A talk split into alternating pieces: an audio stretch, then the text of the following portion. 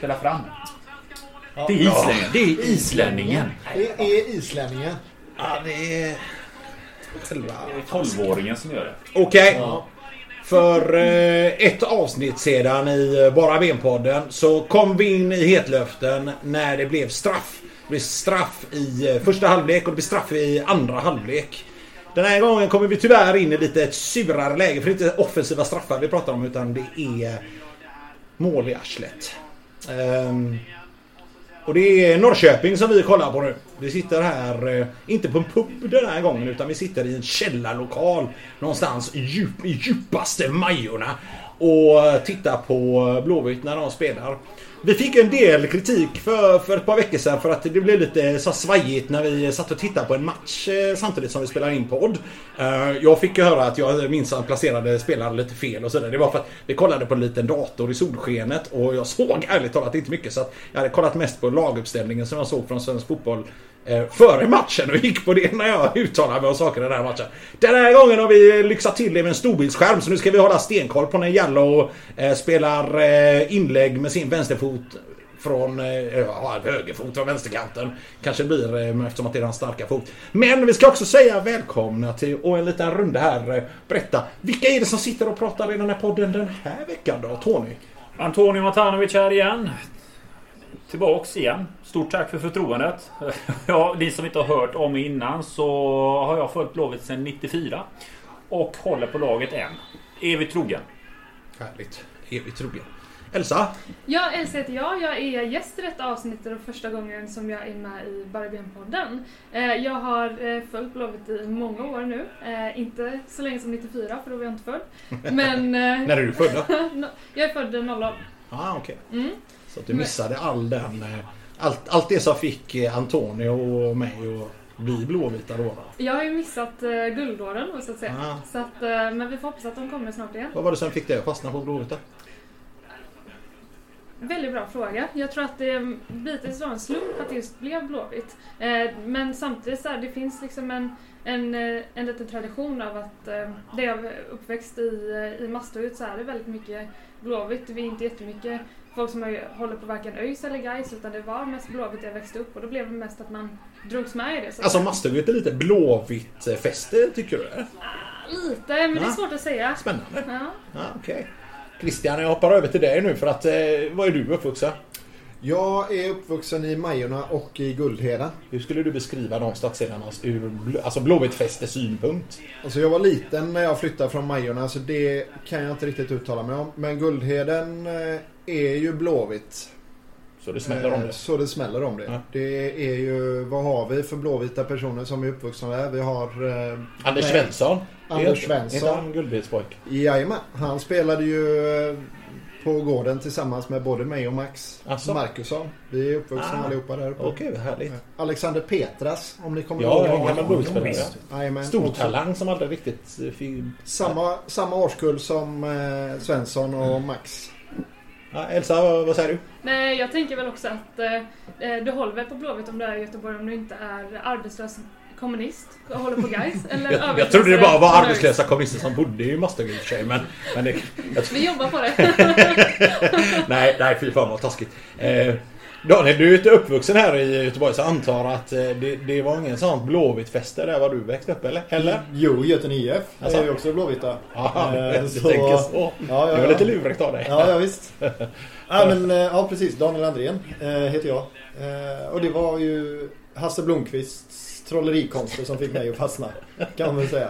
Ja, men det är härligt. Tony.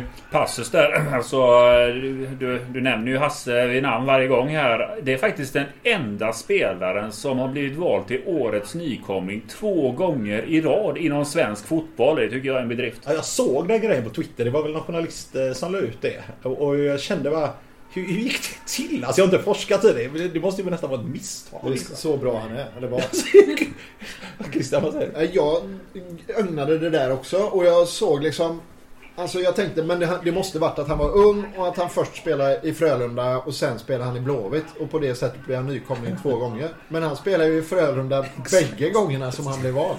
Det är märkligt. Ja, det måste vi nästan forska i. Du, eh, innan vi går vidare här eh, Tony, du, du är uppvuxen i Biskopsgården. Är Biskopsgården en blåvit stadsdel? Mm, nej, inte när jag var där i alla fall. Alltså, det var otroligt mycket Serie A på den tiden. Det var när Serie A blommade ut där med Don Tomasso och gänget. Otroligt mycket Inter och eh, Juventus och Milan. Jag själv eh, var väl nog ensam Blåvitt där i Riaskolan skulle jag nog villigt påstå.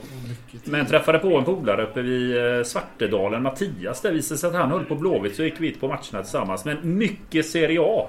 Okej. Vad- Vilket lag i Serie A var ditt lag?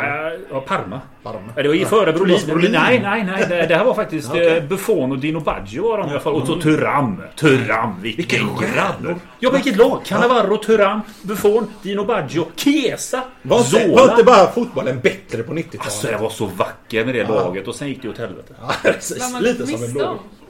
Ja, precis. Ja, gud Han är- vilka, han vilka så nostalgiska gubbar vi låter som nu. Han gick, gick, gick självmord han ägaren i Parma där. Parmalat-skandalen då? där. Parmalat-skandalen där. Det Jaha, var det ju- samband med det? Ja, Ja, ja, han hängde sig. Väldigt dålig på Tråkigt. italiensk fotboll. Sen, sen gick det ju, men nu börjar det vända för eh, Parma på gång. Ja, Zlatan är tillbaka i eh, Serie A nu. Det är ungefär den nivån jag håller koll på. Han var, spelade ju straffmål här sen sista. Ja, du? Jag vill bara snabbt flika in att precis just nu så gjorde Helsingborg det historiska första målet under Oj, säsongen oj, oj. 2020. Grattis säger vi det. Kom, kommer det här att rädda Olof Mellbergs eh, karriär som chefstränare i svensk fotboll?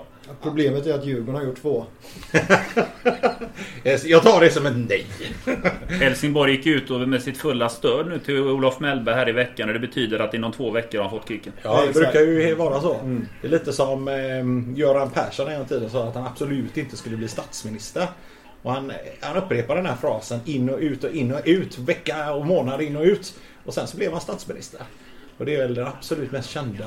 Eh, vi, vi snackade ju om Bagdad Bobs för, förra avsnittet. Folk som, folk som bullshittar väldigt mycket eh, om, jämfört med vad som händer i verkligheten.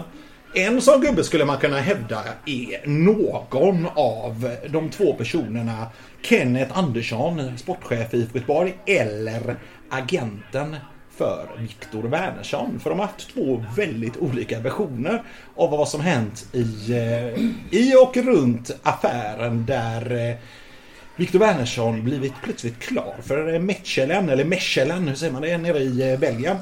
Um, här under helgen så har vi haft en uh, nyhetsstorm där det först började med att han bara plötsligt pang bom blev klar. Han skrivit på, dök upp i Belgien, uh, dök upp på den officiella, uh, alltså inte Blåvitts officiella utan Mechelens officiella kanaler. Pratade ut då liksom med videos där och poserade först i matchtröjan leende. Vilket irriterade en del. Eh, sen efter det så dök han aldrig upp på träningen dagen efteråt i söndags. Alltså dagen för eh, Blåvitts match som pågår just nu mot Norrköping. Var på tidningarna, lokala tidningarna här i stan ringde till Kenneth Andersson, både GP och GT. Och Kenneth Andersson berättade att de inte riktigt hade koll på vart eh, Viktor Wernersson var någonstans. Han hade helt enkelt uteblivit från träningen. Och det gjorde ju att det började en spekulationsfest och irritation från alla håll och kanter. Eh, vad tycker vi om detta då? Eh, är, det, är, det här, eh, är det här en praktskandal eller är det, rycker vi åt axlarna åt? Eh, Tony, vad säger du? Ja, jag, är alltså jag sa ju det för ett par avsnitt sedan att jag har haft svårt att tända till när Allsvenskan ska komma igång nu utan publik och allting. Men jag får ju nästan säga ett eh, typ ironiskt tack till Viktor Wernersson. För så här förbannad var det länge sedan man blev faktiskt när det rörde IFK Göteborg. Alltså det finns... Jag tycker att det här är så himla illojalt mot sin nuvarande arbetsgivare så det finns inte. Man ska inte dra upp hela historien där men är det någon klubb som verkligen har varit en bra arbetsgivare till sin fotbollsspelare så är det IFK Göteborg och Victor Wernersson-gate med tanke på vad som hände förra vintern. Man ställde upp för sin spelare, det var liksom skydda spelaren och han fick sina matcher och det var ju gurgel redan då ute i media. Herregud, vad är det på gång? Men han fick fullt förtroende av sin klubb och sin arbetsgivare. Eh, det här att bege sig till en eh, annan klubb utan att berätta det och slänga på sig en tröja och eh, sen inte dyka upp till sitt arbete i tid. Jag tycker det är så illojalt och det är respektlöst. Jag tycker det är att pissa klubben i ansiktet så det står härliga till. Kenneth Andersson i det här fallet. Alltså har vi pratat innan om att vi tycker att det finns ju två läger. Det har ju varit att vi tycker att de har varit för instängda. De säger inte vad de tycker. Det har varit mycket inga kommentarer och liknande. Kenneth Andersson, när jag upplever honom, han talar lite grann som sportchef chef, men också som supporter. Och det är klart. Den balansgången när han säger att jag talar, det, det ser här, alltså han mådde ju dåligt av att han ser spela en annan tröja. Det är ju supporter som talar i honom. Det går ju att väga det lite grann. Jag själv älskar öppenheten. Eh, jag tycker att Viktor Wernersson har gjort fel här. Ingen snack om saken. Christian? Ja, alltså... Nu har ju Viktor Wernerssons agent gått i svaremål sen i efterhand och eh, dratt ja, inom citattecken deras version av storyn. Jag tycker inte han riktigt berättar vad det är de gör. Han försöker mest flytta fokus känns det som. Men jag tycker egentligen, även om man köper hans version, agentens version, så tycker jag ändå att skuldbördan hamnar hos honom och, och Viktor i alla fall, även om man köper hela deras version. Alltså visst, de har sin fulla rätt att ta kontakt med en annan klubb eftersom att det bara är sex månader kvar. Eh, men då får man ju i alla fall när det krånglar ihop sig och man ska hem så får man i alla fall höra av sig och säga att nej men jag är iväg med Viktor här nere i Mechelen och eh, han ska skriva på med dem efter att eh, på ett kontrakt efter att det med Göteborg löper ut. Men det är krångel med flyget. Alltså att man inte ens, att ribban är så fruktansvärt låg och man kommer liksom inte ens över den. Men om man bryter ner det här nu, för, först och främst. Nu ser jag att alla vill prata här, eh, ett hett ämne. Men om man börjar med att bryta ner det faktum att det är ju trots allt så att när en spelares kontrakt eh, bara har sex månader kvar så är det upp till den spelaren och den spelarens agent att prata med andra klubbar. Ehm, men då kan man säga att ska man göra det utan att samtidigt ha en dialog med den klubb där man faktiskt spelar och ska spela kvar under hösten. Är det där första problemet uppstår? Att han liksom, han åker ner till Belgien, han eh, gör den här dealen utan att de vet att det händer. De kan ju ha vetat att det var på gång, de kanske haft en viss dialog men de visste inte att det skulle hända nu att det skulle dyka upp en bilder på Victor Wernersson i Mechelens tröja och så vidare. Daniel, vad tror du? Nej men jag tycker att, eh, alltså jag hade ju föredragit om de hade faxat papperna. Dels med, med hänseende till Corona och sådär. Mm. Vad ska han flyga till Belgien för? Det känns ju onödigt. Men sen fastnade jag för en grej eh, som agenten sa där. I anslutning till det här Kenneth versus Blush Hosseini. Det var ju att Mechelen hade ju hört av sig redan i juni för att de ville ha Viktor. Men de får ju inte ta den kontakten då. Då måste de ju gå via, Blåvitt. För att Mechelen får ju diskutera med eh, Viktor och hans agent först när det är ett halvår kvar på kontraktet. Den detaljen tycker jag är jäkligt Men spännande. hänger inte det lite ihop med att de senaste dagarna har det varit mycket diskussion också om att det är ganska mycket oseriösa agenter i rörelse här. Alltså agenter som kanske inte följer reglerna riktigt. Ehm, Den agenten vi pratar om här, hans firma har ju avslöjats i olika skandaler i Belgien också. Hans chef har till och med suttit häktad inblandad i skandaler där han påstås ha hållit undan pengar från belgiska staten och så vidare. De sköter sig inte riktigt alltid agenterna och då kanske de trixar lite här. Och de, säger, de har vissa kontakter med klubbar innan de får och ska ha det. De kanske agera agerar lite bakom ryggen på klubbarna och så vidare. Eh, Elsa, vad tänker du om hela den här soppan? Nej men det känns som att det är väldigt mycket i den här storyn som vi inte får reda på. Att det finns väldigt mycket ett spel bakom och att det som faktiskt kommit ut i media är lite att det har sipprat ut och att den här konflikten faktiskt har Eh, pågått under en längre tid. Men det, kan ju, det går ju bara att spekulera i. Men däremot så tror jag också att det är ganska viktigt att eh, även om Blåvitt har varit liksom en väldigt bra arbetsgivare fram tills nu så är det också ganska viktigt att om en spelare skämmer ut sig och gör fel att man då kanske försöker ta en dialog med spelaren istället till för att gå till media. Eh, samtidigt så förstår jag ju, för att jag är också besviken på, eh, på det här beteendet. Eh, men på något sätt så kan man väl säga att, oj, Ja, förlåt. det är nästan mål.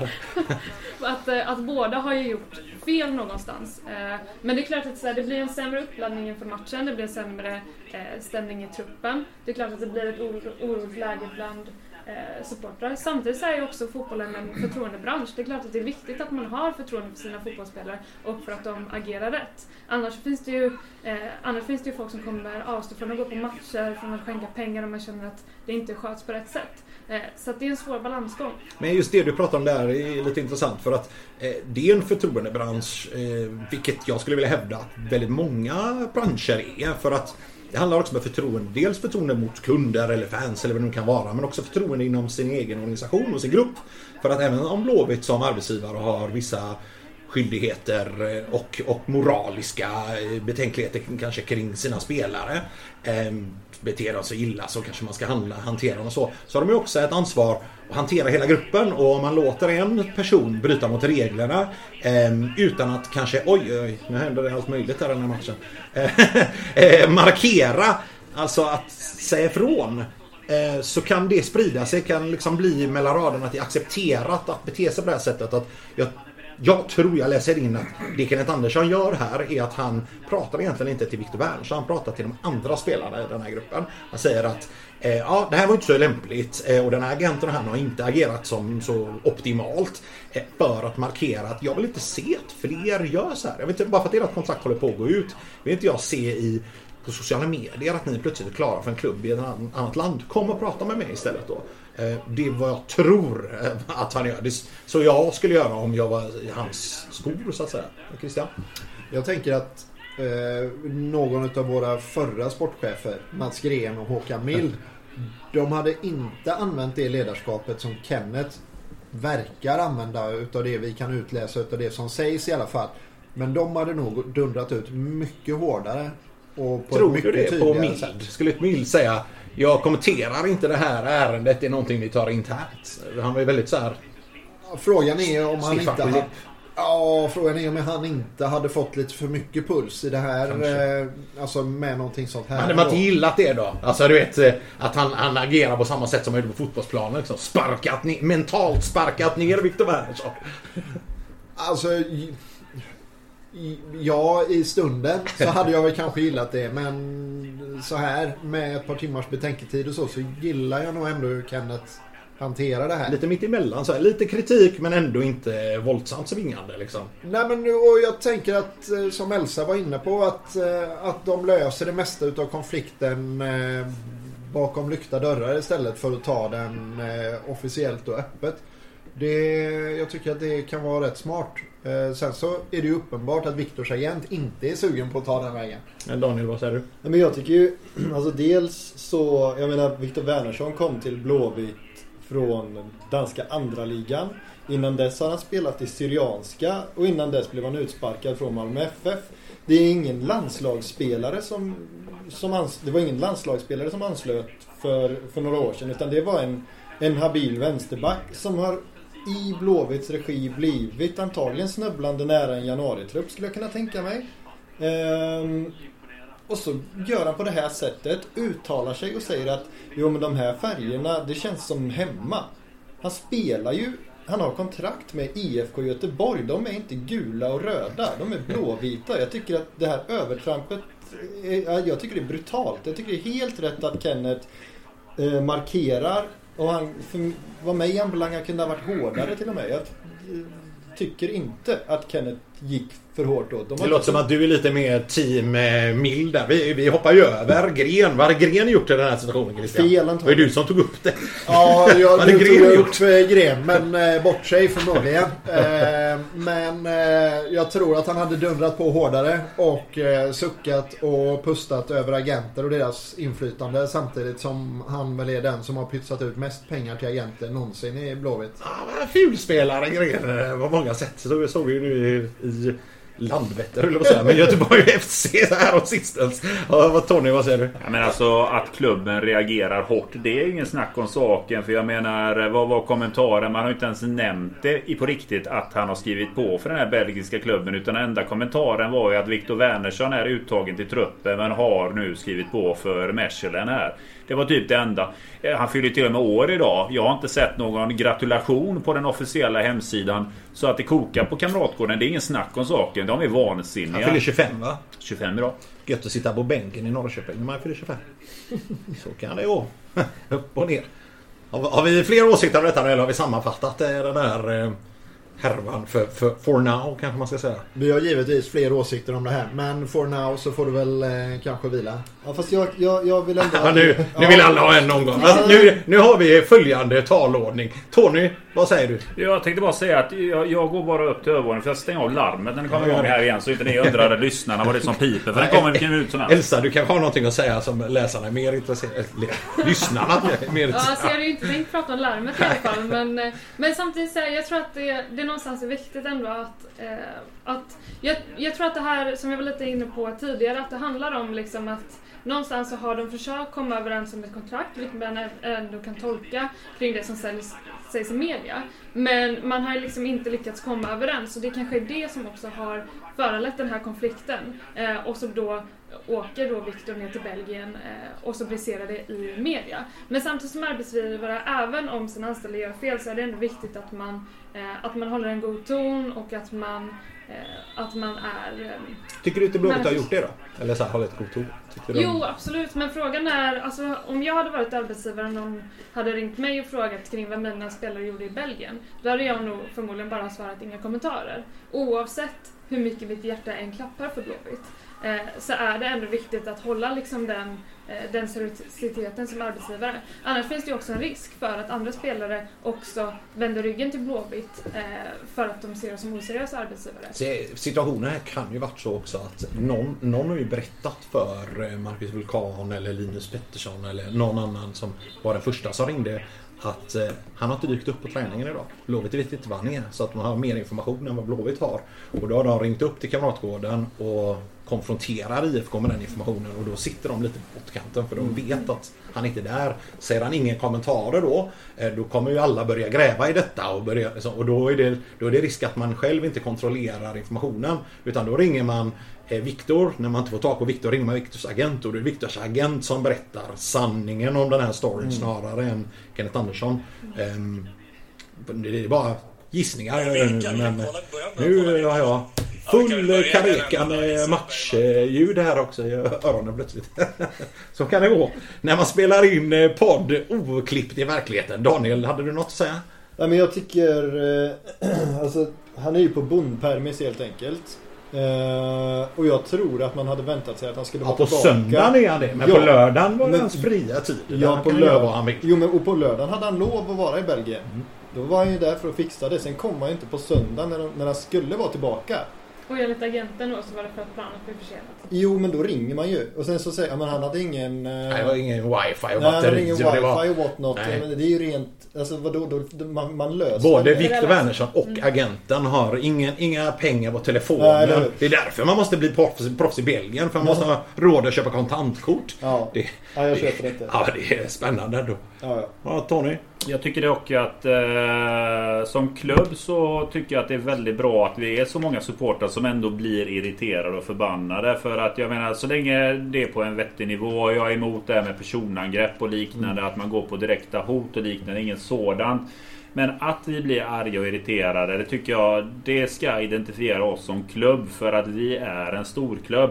Jag menar det är som agenten själv då skulle kontra med nu när han hade rasat på Kenneth och liknande. Där han till och med citerade och sa det att Ja, ni IFK Göteborg-supportrar får ju tänka lite grann att hur var det när Karl Starfelt lämnade BP för IFK Göteborg? Hur var det då?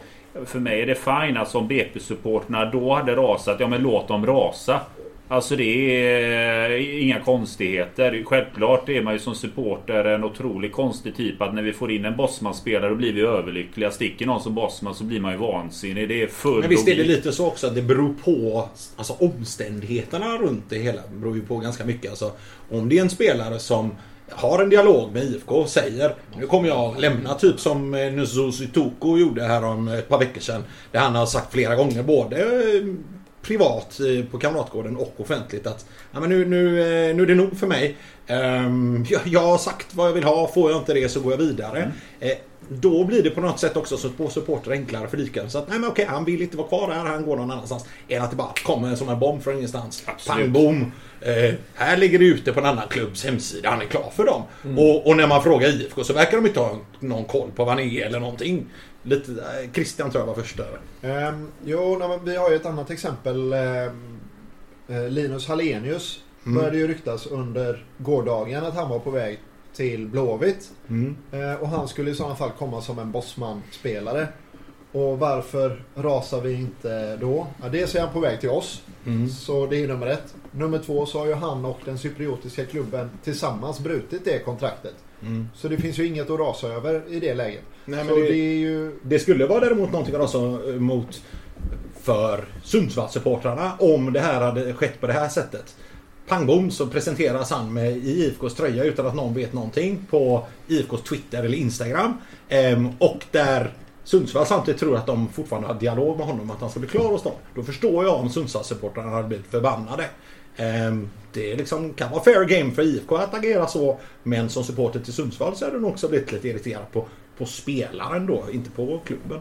Elsa? Nej men jag tror bara att det är inte det sista vi hör om denna nyhet utan jag tror att det egentligen finns en annan grundkonflikt som ligger och bubblar. Någonting som man kunde läsa i media när agenten uttalade sig var ju just att de hade försökt få till ett kontrakt med Blåvitt men att eh, Blåvitt inte gått deras krav till mötes. Och jag tror att det är där grundkonflikten ligger, inte egentligen resan till Belgien. Jag tror definitivt att vi kommer höra mer om det här. På ett eller annat sätt vill agenten ha ut mer pengar. Eh, inte bara till spelaren utan till sig själv också. För att de, det är ju så de tjänar pengar Daniel.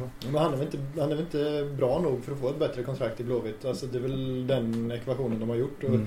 Det, är, det har jag fullt förtroende för. För jag, visst, han är, han är okej men Det är ju dessutom i spartider. Ja. Alltså det är ju coronasituationen har gjort att det är klart att när de nu skriver nya kontrakt och de dessutom spelarna gått med på att sänka sina löner så när man skriver nytt kontrakt så är det väl logiskt att anta att de försöker hålla dem ner så långt nere som det går. Mm. Jag, säger, jag har ingen aning om de vill dumpa lönerna men de vill i alla fall liksom hålla taket lågt för att de har ingen aning om när vi börjar få in publik på arenorna och när pengarna börjar flöda igen. Och så Nej, och sen tycker jag att man kan göra som Emil Salomonsson och låta kontraktet löpa ut.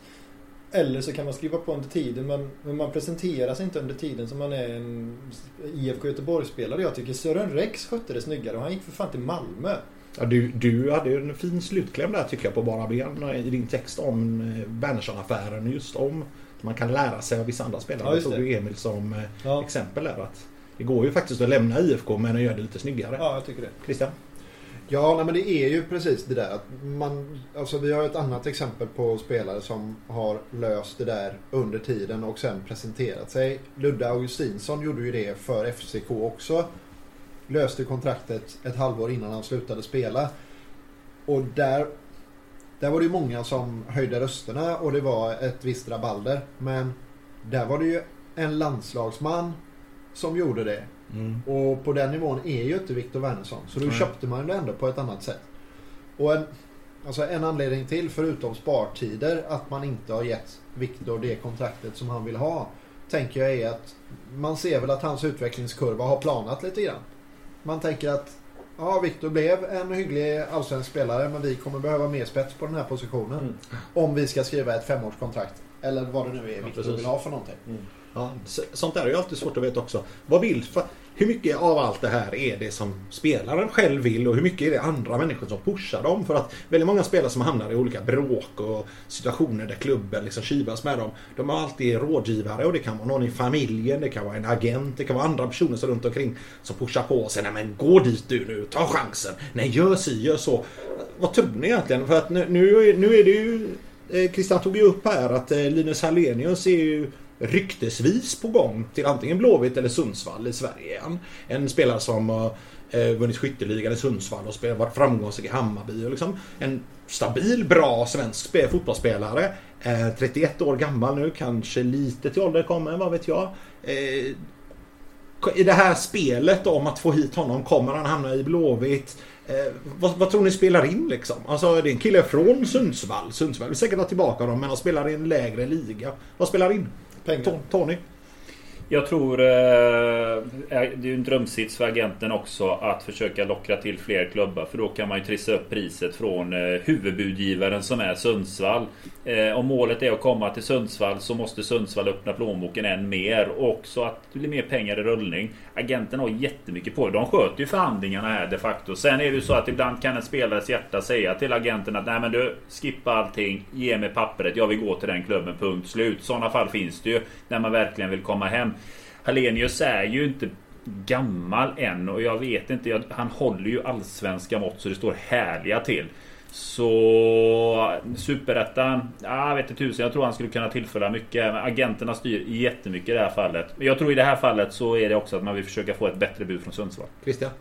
Alltså, ska vi ha en chans att plocka in Hallenius så är det väl... Alltså det är ju inte många bitar. Möjligtvis att vi slår eh, eh, Sundsvall i det att vi är en större stad. Vi ligger lite närmare kontinenten. Eh, och det största är ju att vi har Ferran som våran andra coach och som Linus har pratat väldigt gott om. Att de ska ha, att han i princip ska vara en personlig vän till Linus. Och i det fallet så kan väl det vara värt en eh, hel del pengar om det nu faktiskt är så. Det här sa han ju när jag vet inte om han sa det när Ferran lämnade Sundsvall eller om det var i samband med att han själv lämnade Sundsvall. Det var när Ferran lämnade. Man Ja, kan ju tycka att 31 är ingen ålder heller eftersom att vi har faktiskt suttit och spekulerat om att Ehm, både i den här podden men också som supportrar allmänt om man vill ha tillbaka Marcus Berg och Pontus Wernbloom och killar som är äldre än 31. Så att han kan ju komma och spela Allsvenskan en, två säsonger och sen ändå varva ner eller, eller satsa en liten bit i Sundsvall eller vad man nu kallar det. Elsa, vad tycker du? Nej, men han kan ju kanske också vara en förebild för, honom, för de andra spelare som Vibe var. Eh, och kanske också bidra med en erfarenhet som många unga spelare i Blåvitt kanske idag saknar. Vi har fortfarande ett väldigt ungt lag och på så sätt så kan det ju vara en fördel att värva lite äldre spelare som har några år på nacken. Ja, för det var ju en äldre spelare som på något sätt försvinner ut också i och med att Söder är en 30 plus kille som nu blev skadad. Och det är tråkigt att höra att han blir borta hela säsongen men det är ju på något sätt eh, Söders förbannelse alla skadorna genom hans karriär. Jag var faktiskt på eh, Gamla Ullevi när eh, det var U21-EM och såg den här eländiga skadan han drog på sig när, när han borde... Jörgen Lennartsson som var förbundskapten för det här laget som borde ha bytt ut honom men aldrig gjorde det och där han eh, trasade sönder knät. Det var fruktansvärt. Eh, när vi ändå pratar silly season då så finns det ju en annan nyhet som kommit idag faktiskt. Eh, om, eh, jag är ju från Hisings Backa och vi pratade förut om Eh, vilka stadsdelar och områden som är blåvita eller inte. Hisings Backa är ett jätteblåvitt fäste. Eh, trots att på, det ligger på Hisingen ehm, och väldigt många unga killar drömmer om att få spela fotboll i IBK Häcken så är det banne med väldigt många som hejar på IFK Göteborg. Ehm, det var både så på 90-talet när jag växte upp där och är så än idag vet jag för jag har mycket släktingar och vänner som fortfarande har kopplingar dit på olika sätt. Ehm, och den killen som är just nu Hisings Backas stolthet. Vi har ju producerat en del mittbackar till Blåvitt. Eh, Dennis Jonsson var det på min tid eh, som spelade i samma innebandylag som mig. Eh, och nu är det Kristoffer Dagrassa. Och Kristoffer Dagrassa är ju aktuell. Vart då någonstans Tony? Berätta för mig. Sint Troden, ursäkta uttalet, är han på gång till. Så även en belgisk klubb är ute och jagar. Men eh, det var väl en till. Det är väl fler klubbar som tittar på Christopher de Gracia. Ja, Christian vad säger du? ryktesvis så var det väl någon eh, Ligue Ö-klubb också. Ja, ja. Snyggt uttal där, ja, det gillar vi. Ja, det var bra. Eh, Riktig sån eh, snigelätarkänsla på detta.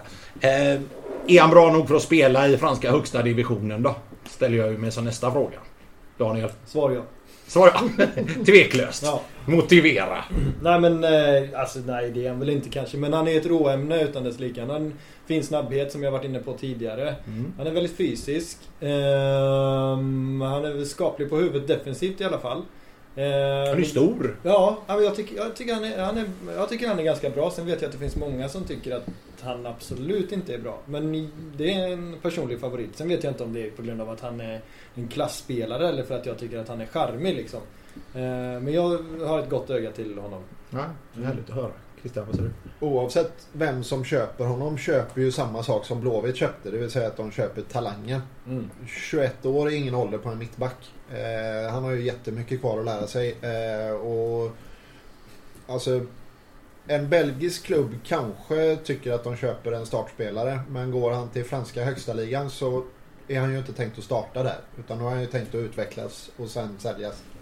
Alltså om man tittar på den här transfern, om det nu blir av, ehm, så är det ju ändå så att vi tappar inom loppet av ett par dagar här så kan vi tappa två stycken backar. En vänsterback, Viktor Wernersson som går till Belgien då. Och om det nu stämmer, Victor, eller förlåt, eh, Kristoffer de Grasse till antingen eh, Vad var han nu hamnar i, kanske, jag höll på att säga Holland, Frankrike menar jag, eller Belgien. Ehm, måste det inte in fler backar här då, blir min fråga. Men är det inte tredje gången gilt för Dahlqvist nu? Ehm, det har ju varit två bröder Dahlqvist innan, vänsterbackar. Uh, som inte har uh, löst det. Så nu är det väl kanske dags då för en, för den tredje Dahlqvist-brorsan att ta den här men, allsvenska Men han är inte tillbaka riktigt än. Vilket ja. gör att då, då ställer jag mig ändå frågan. Nu, nu är det sommar här.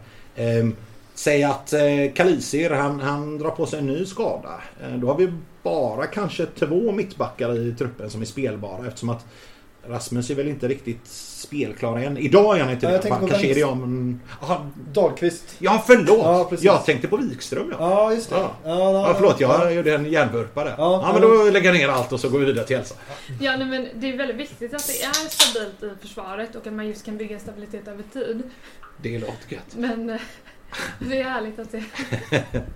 Ja, det är väldigt viktigt att det byggs liksom en stabilitet i laget och även görs det under tid. Och framförallt i ett så känsligt ställe som försvaret. Mm. Eh, så att, såklart att om två backar försvinner under kort tid så gör det ju jättemycket för laget, väldigt mycket negativt. Eh, så att det är klart att det kan ju behövas rekryteras en ny. Men då hoppas jag också att det är en person som stannar lite längre som vi faktiskt också kan, kan bygga någonting på. Eh. Du vill se, du vill se en en långsiktig lösning, en yngre spelare som man har ett längre kontrakt med än en nödlösning antar jag? Ja, hellre, hellre en yngre spelare som man, kan, eh, som man kan skriva ett längre kontrakt med med en nödlösning. Så man faktiskt kan bygga liksom ett, ett lag och liksom en, ett ordentligt försvar på. Sen såklart att så här, det, det, är annorlunda i den moderna fotbollen. Den går fortare och folk byter klubb oftare och det får man ju vara inställd på. Samtidigt så är det viktigt ändå att man har eh, några grundbultar i laget som eh, som finns där och gör stabiliteten så att säga.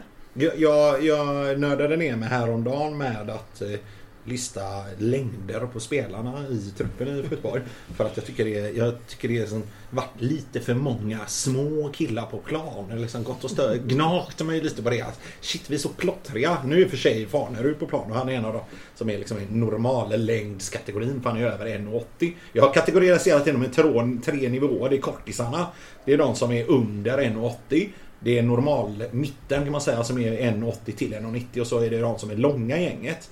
Och Dagrasa är nästan uppe i långa gänget för att han är 1,88 så att det är han liksom en resolut kille. Han är en centimeter längre än mig. Han är lite kortare än Tony här tror jag.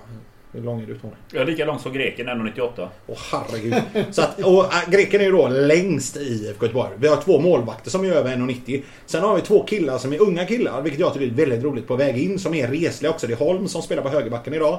Eh, och det är Tolinsson som har fått chansen att spela mittbacken. Och, och imponerat. Han har ju gått från 0 till 100 kan man säga. Är inte det lösningen då? Tolinsson, en ung kille som redan är med. Han har fått lite speltid. Eh, han kommer förmodligen få en, stegvis mer och mer speltid inte han den naturliga ersättaren nu som kommer fylla på bakom Kalisir och Bjärsmyr som känns som det rutinerade, mer ordinarie mittbacksparet. Vad säger du Daniel? Alltså jag, jag, jag, tänker, jag tänker på två namn egentligen. Jag tänker dels då på back Altiallon eh, Dyrstam, den äldre. Vänsterback, mittback, högerback. Han har spelat på alla positioner eh, på allsvensk nivå. Blåvitt var det väldigt mycket vänsterback. I Kalmar var det mycket högerback och han ser väl sig själv i mångt och mycket som mittback. Uh, I alla fall back in the days. Och sen back på, in the days. Ja, back in, exakt. Och Sebastian Eriksson. Han bor Buckingham Palace. Ja, nej förlåt. det var många som dog här. Ja. Hallå Glenn. Ja, eh, förlåt. Ah, Sebastian Eriksson tänkte jag också. Ja. Uh, skulle jag kunna tänka mig en blåvit skrud igen. Dröm, okay. Drömmen är ju Haitam Alisami vars lag åkte ur nu. Men han är ju, har ju många matcher i, där ute i Europa. Blir svårt. Men det är som du säger Marcus. Man måste ju titta mot stjärnorna. Annars får man ju vad man får där. Exakt! Så är det. Jag tjafsade jag... med någon på Twitter om detta idag. Jag fattar att folk är så tröttsamma ibland. De bara Nej men du vet man kan inte hålla på och sikta mot så höga spelare. För jag tyckte att Blåvitt borde hugga på Alexander Jeremejeff. Och då tyckte han, jag kommer inte ihåg vem det var. Du är säkert en god gubbe. Men det irriterar mig att Nej men det kan, det kan man inte göra för att det är liksom en osannolik värvning för att han har spelat i Häcken tidigare. Ja, han har varit jätteduktig i Häcken. Ja, men det är precis därför jag tycker Blåvitt ska hugga på honom. För det är en kille som är från Kungsbacka, spelat i Göteborg, har familjen i Göteborg, kopplat till Göteborg. Och nu har hans lag degraderats från tvåan till trean i Tyskland. Han har en klausul som gör att han får gå gratis på grund av detta. Och då borde han vara aktuell tillbaka till Sverige. Hugg på han! In med en forward till. Visst, ta in Hel- Helen, Hallenius, förlåt. Hellenius, Hallenius. Eh, men in med Jeremejeff också. Pang bom, vi har två alternativ plötsligt. Ja, vi har inte så mycket pengar och så vidare. Vad säger ni? Jag är fel ute? Christian? Eh, nej, nej. Sätt sprätt på alla pengar. Låna pengar. Sätt sprätt på alla pengar. Kör oss i bankrutt. Det är klart vi ska ha Jeremejeff. Nej, jag tycker eh, lite grann som den här knickedicken på Twitter. Att just där kanske vi inte ska spränga banken. Ja, men du vet, du får in lite pengar från eh, en försäljning av Victor Wernersson. För att nu är han, hans, hans är omöjlig. Vi får in fem miljoner extra. Satsa Fem dem. miljoner. Alltså, Fem miljoner extra. Du får de dela det med 10 Hankis. Ja, ja, ja. Turkiska lira eventuellt. ja det är inte många, många som har förtroende för Bovits eh, förhandlingsförmåga här på det här, runt det här bordet. Det hör man ju långt väck. Ja, vad säger du Tony? Passus där, alltså han du pratade med var samma person som... Eh, det var väl när Daniel... An, eh, Dan, nej, det var ju när Daniel la upp en intervju med Ragnar Sigurdsson. Eh, just att han eh, såg ju Blåvitt som ett framtida alternativ och jag tyckte, ja, men gud vad gött det vore med Ragge då. Och det var ju han som du skrev med, Håkan Wild. Han skrev ju till mig att du, ha- han har ju en FCK-tatuering. Jag bara va? Har han en FCK-tatuering? Vad säger du? Han har skapat detta. Så nu. han hade ju slängt dit det här Ragnar Sigurdsson S12 då. Det är ju deras ultras va? Alltså jag, jag, jag, jag tappade totalt. Alltså det, vilket är väldigt konstigt med tanke på att vi har väldigt trovärdiga källor som eh, säger att han har gått runt och pratat om att ja, får inte han spela nu så vill han flytta på sig. Alltså vi har liksom extremt trovärdiga källor som säger att han har gått och mumlat om det här. Att han vill flytta på sig, han vill bort från Köpenhamn om han inte får spela inom kort. Och det är därför han också bara då skrivit ett kontrakt på två månader med FCK. För att han, han vill ha speltid, han vill ha kvar sin plats i landslaget. Han vill väl satsa på nästa års EM, men det får Så han kanske inte göra om han sitter på bänken i FCK. Ja, ja, ja, det är skumma tider det här. Alltså apropå det här med längdnivåspelare då, jag återknyter till det. Ni ska, ni ska få gissa här då. Att, att Paka är kortast i Blåvitt, det är ju det är väl ingen som eh, kan eh, förneka. Ehm, det står att han är 167 cm lång på IFK Göteborgs hemsida. Jag, jag är skeptisk till det. Jag skulle vilja koll, korrmäta den. Vem är näst kortast i IFK? Eh, näst kortast Ja. i IFK. Det skulle ju kunna vara kanske Hasse. Fel. Tony, vad är din gissning? Oj, jag skulle säga Hasse. eh, och vem kan det vara? Eh, det, det, det, alltså det här var svårt. Nu blir jag lite tagen här. Sar, kan Sar, hjälpa- Sargon är inte lång. Nej, Sargon är inte lång. Han är ibland kortisarna. Men jag kan Ja. hjälpa er med några alternativ. Alexandersson, Söder, Sargon, Hasse, Afane, Dahlqvist, Sana, Toko är med då i årets trupp. Eh, Det är de som är kortisarna. Vem är näst kortast? Alexandersson. Nej, fel igen. Ah, fan det. Nej, fel igen. Är Sanna så kort? Sana är så kort! Va? Sana är så otroligt kort som 171 cm. Det kan man inte tro. Pondus som den killen har. Han, men det är härligt tycker jag för Sana tar för sig. Såg en härlig intervju med honom på Dplay. Um, där man har varit i Lövgärdet där han är uppvuxen. Och pratar lite om, eh, om de små valen ska kan eh, skilja mellan att man blir en fotbollsstjärna och att man går någon helt annan väg i livet. Liksom. Och han har en sån härlig pondus tycker jag. Jag gillar honom väldigt starkt i de intervjuer och sånt som varit. Um, Dplay är ju ett ämne som eh, har varit hett de senaste veckorna. Um, av den simpla anledningen att det har ju bara gått ett gäng veckor här nu. Jag vet inte hur många veckor in i Allsvenskan är vi egentligen. För de spelar ju stup i kvarten så jag börjar tappa tidsförmåga Tre, lite. Ja. Och det, under de här tre, fyra första veckorna så har ju Dplay som egentligen då är på något sätt Discovery och eh, Kanal 5, det är den koncernen med tv-kanaler, eh, tagit över Allsvenskan. Det, var ju, det är ju ingen nyhet att de har gjort detta. Det har de ju basunerat ut eh, under lång tid att de tänker liksom satsa stenhårt här. Men det har varit oerhört mycket kritik mot Dplay av alla möjliga slag. Eh, mycket har ju handlat om tekniken för att eftersom de har satsat på en streamingtjänst framförallt där då. Eh, det är inte den, den gammaldags tv-kanalen som står i fokus för deras utbud. Det finns också bland via vissa, eh, vissa tv-leverantörer som Telia bland annat. att Man kan få tv-kanaler liksom att titta på. Men eh, de flesta tittar på eh, olika streamade sändningar. Det gör vi just nu också via en dator. Och det har funkat jäkligt dåligt. Vad, tyck, vad tycker ni om det här? Alltså vad säger vi om det? Christian?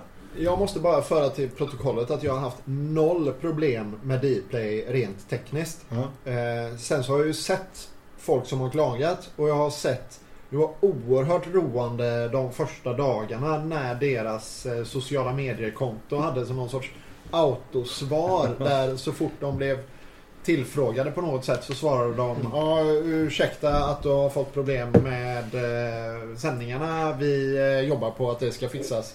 Oavsett vilken typ av fråga man ställde till dem. Eh, det, det, det ger väl en vink om vad, på vilken nivå problemen var där i början.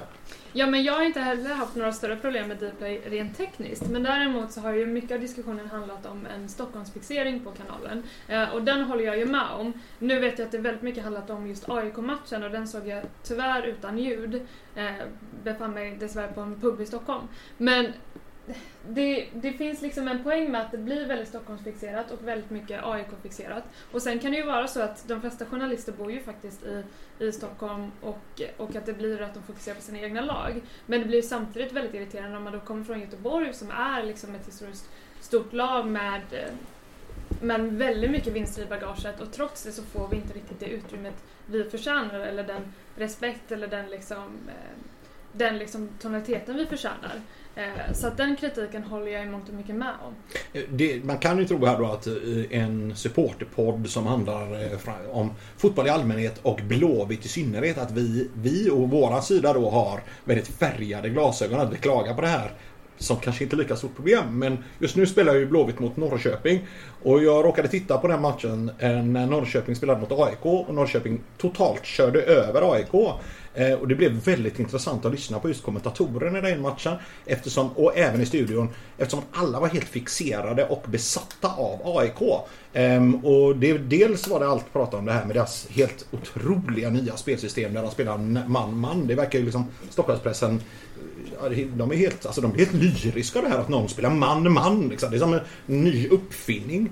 Um, så att det är ju fler som tycker så här för att Norrköpingsfansen rasade i sociala medier efter detta. För de får ju inte heller vara på arenan. Så alla tittade på TV och blev galna. Um, men vi kanske ska fördjupa oss lite mer i det i andra halvlek för nu ska vi eh, ta en liten paus här. Ehm, vi har kört ungefär 45, 45 minuter plus idag blir det bara två minuter tilläggstid så kommer vi återvända med eh, mer kött om högt och lågt i andra halvlek av Bara Ben-podden.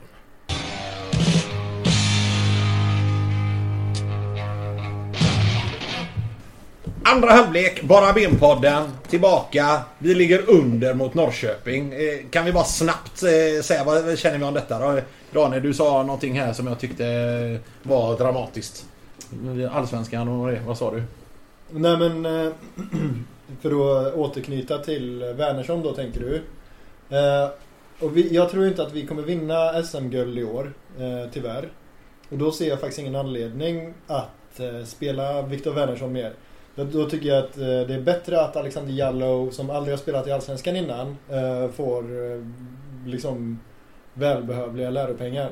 Men inte det lite tidigt att säga då med tanke på att vi, även om det är så att vi ligger under mot Norrköping just nu och det är en 25 minuter eller någonting kvar av matchen. Så är vi på något sätt två snedsparkar ifrån att vi är två poäng efter eh, Peking i tabellen och tvåa i tabellen. Är inte det lite tidigt ändå att döma ut chanserna att ta SM-guld? Ja, alltså någonstans var det ju ett eh, finare sätt att säga att jag aldrig mer vill se Viktor Wernersson i Blåvitt. Elsa? Nej, men jag tror att allt kan hända den här säsongen och inte minst med att vi ser att lagen spelar väldigt olika utifrån coronaläget. Att vissa har verkligen tappat när de spelar utan publik. Bayern är ju ett sånt lag. De levererar ju verkligen inte utan sin publik. Medan andra faktiskt har tagit ett lyft av, av den här coronakrisen. Så jag tänker att det är lite tidigt att säga huruvida vi faktiskt har chans på ett SM-guld Sen har ju lagen också spelar ju olika. De, som Blåvitt, de har ju roterat, roterat ganska mycket. Alltså det är my- mycket spelare som är in och ut eftersom att det är tätt matchande.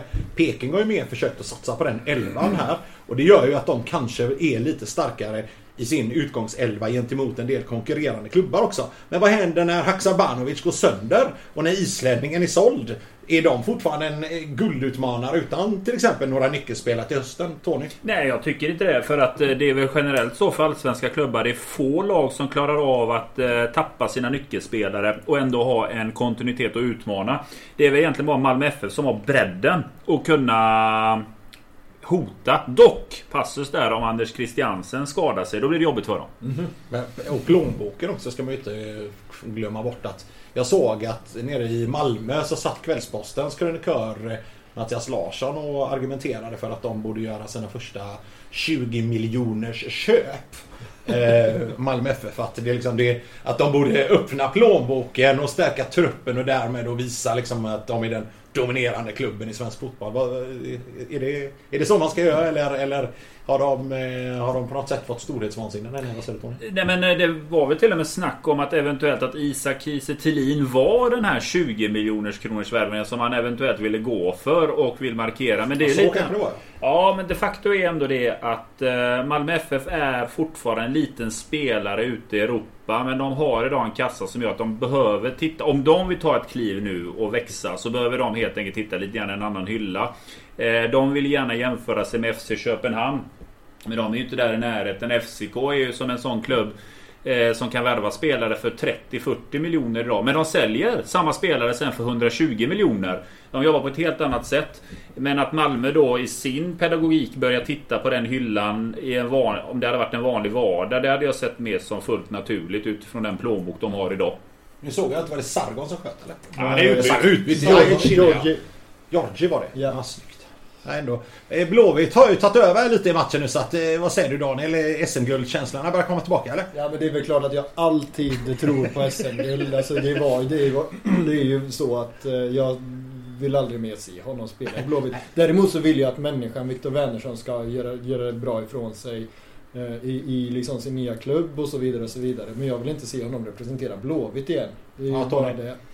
Tittar man lite på tabellen i år så tycker jag ändå att man börjar se lite utropstecken även om det är tidigt in på säsongen. Jag får ändå se det att jag tycker mig se en utveckling där i Elfsborg. Jag får säga att jag är imponerad av dem. Jobbiga att möta, ettriga rackare. Att BK Häcken, Elsa du är inne på det här just att vissa lag påverkas av publik. Jag menar i BK Häckens fall så är det ju ja, det är vilken dag som helst egentligen. Så de lirar ju precis som att det vore en vardag. Och de är stabilt där trea och påverkas inte ett dugg av Corona. Sirius utropstecken är på en andra plats Rydström show. Eh, Stockholmsklubbarna är långt nere. Det gillar man ju.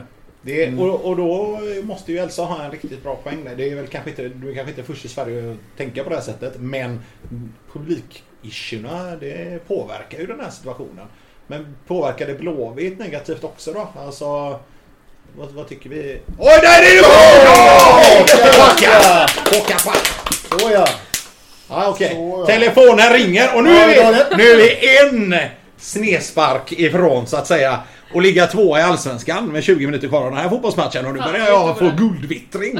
Tony, vad säger du? Du talade om det här med publik och hemmaplan. Förra säsongen så kom ju IFK Göteborg sjua i hemmatabellen då med fantastiskt publikstöd och det som ökade. Just nu så är vi på delad sjunde plats med Djurgården på hemmatabellen. Så just nu så har publiken noll effekt om man ska bara titta på siffror.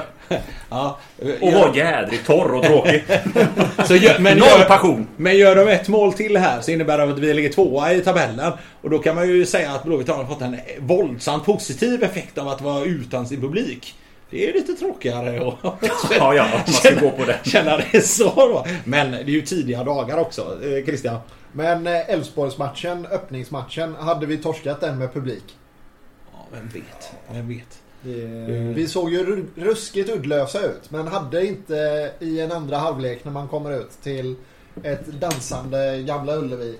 Jag tycker vi hade Förra kan- året så krossade vi ju Elfsborg i början av säsongen och krossade AIK i början av säsongen just på de här publikmatcherna. Ja, på men det var inte vår premiärmatch. Vi är Nej, men det var kassa ändå i i början av premiären där. ja. Alltså det är bedrövligt. Förra året var- mötte ju... Vad beror det på då? AFC. Är det så här eh, Året innan torskade vi mot Hammarby är också premiären. Alltså vi, vi kassan är det sån här kosläpp alltså. Det, det funkar inte Det är alltså. kassa är- kosläpp. Ja, kassa kosläpp. Liksom, vi släpar oss fram där. Ja, kassa kossor.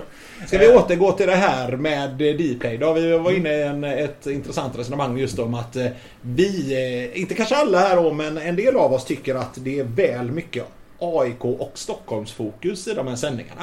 Och det här är ju någonting som Dplay och deras experter har blivit väldigt medvetna om för att det öser ju folk i sociala medier information över alltså Peking-fans och Blåvitt-fans med flera som irriterar sig både och pingar de här personerna och konfronterar dem. Christian, håller du med om detta? Eller vad? Nej, du, du sa att vi kanske eventuellt var oeniga här i rummet om eh, att vi tycker att det är ett AIK-fokus. Jag tror att vi är ruskigt eniga här inne i rummet om att det är alldeles för mycket Stockholms och AIK-fokus. Okej, men då för att vara djävulens advokat här lite. eh, Så får jag väl säga det. Är inte det lite normalt för Dplay? De har ju just tecknat, de har spenderat hur mycket pengar som helst för att teckna upp Allsvenskan.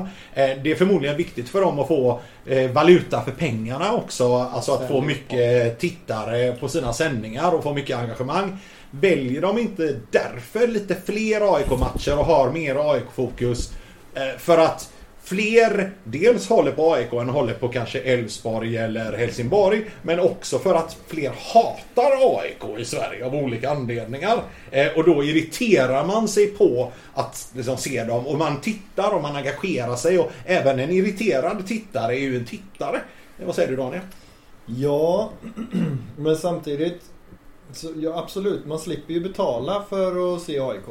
Eh, Eftersom att eh, alla deras matcher hamnar på TV. Eh, men det kanske faller sig naturligt. Hur är det? om- Du pratade lite om det före sändningen här om att de, de visar mer AIK än Ja, men- många andra lag. Ja, men span, spaningen blir väl att Solna då är Stockholmsområdets Småland. Eftersom att... Jaha. Jaha. Sket det sig. Men vad fan. Inte mitt resonemang men bollen går rakt igenom hela Blåvitts straffområde till, jag såg inte vem som var ensamstående där på vid vänster stolpe och dunkar in den. Lars, Lars Krog. Krogarsson. ehm, Ja. Ja, det, då leder eh, Norrköping igen och all den hype vi hade där om att vi var en snedspark borta Nej men från alltså han kommer ju. Ja. Det Det är är ju ju det är ju?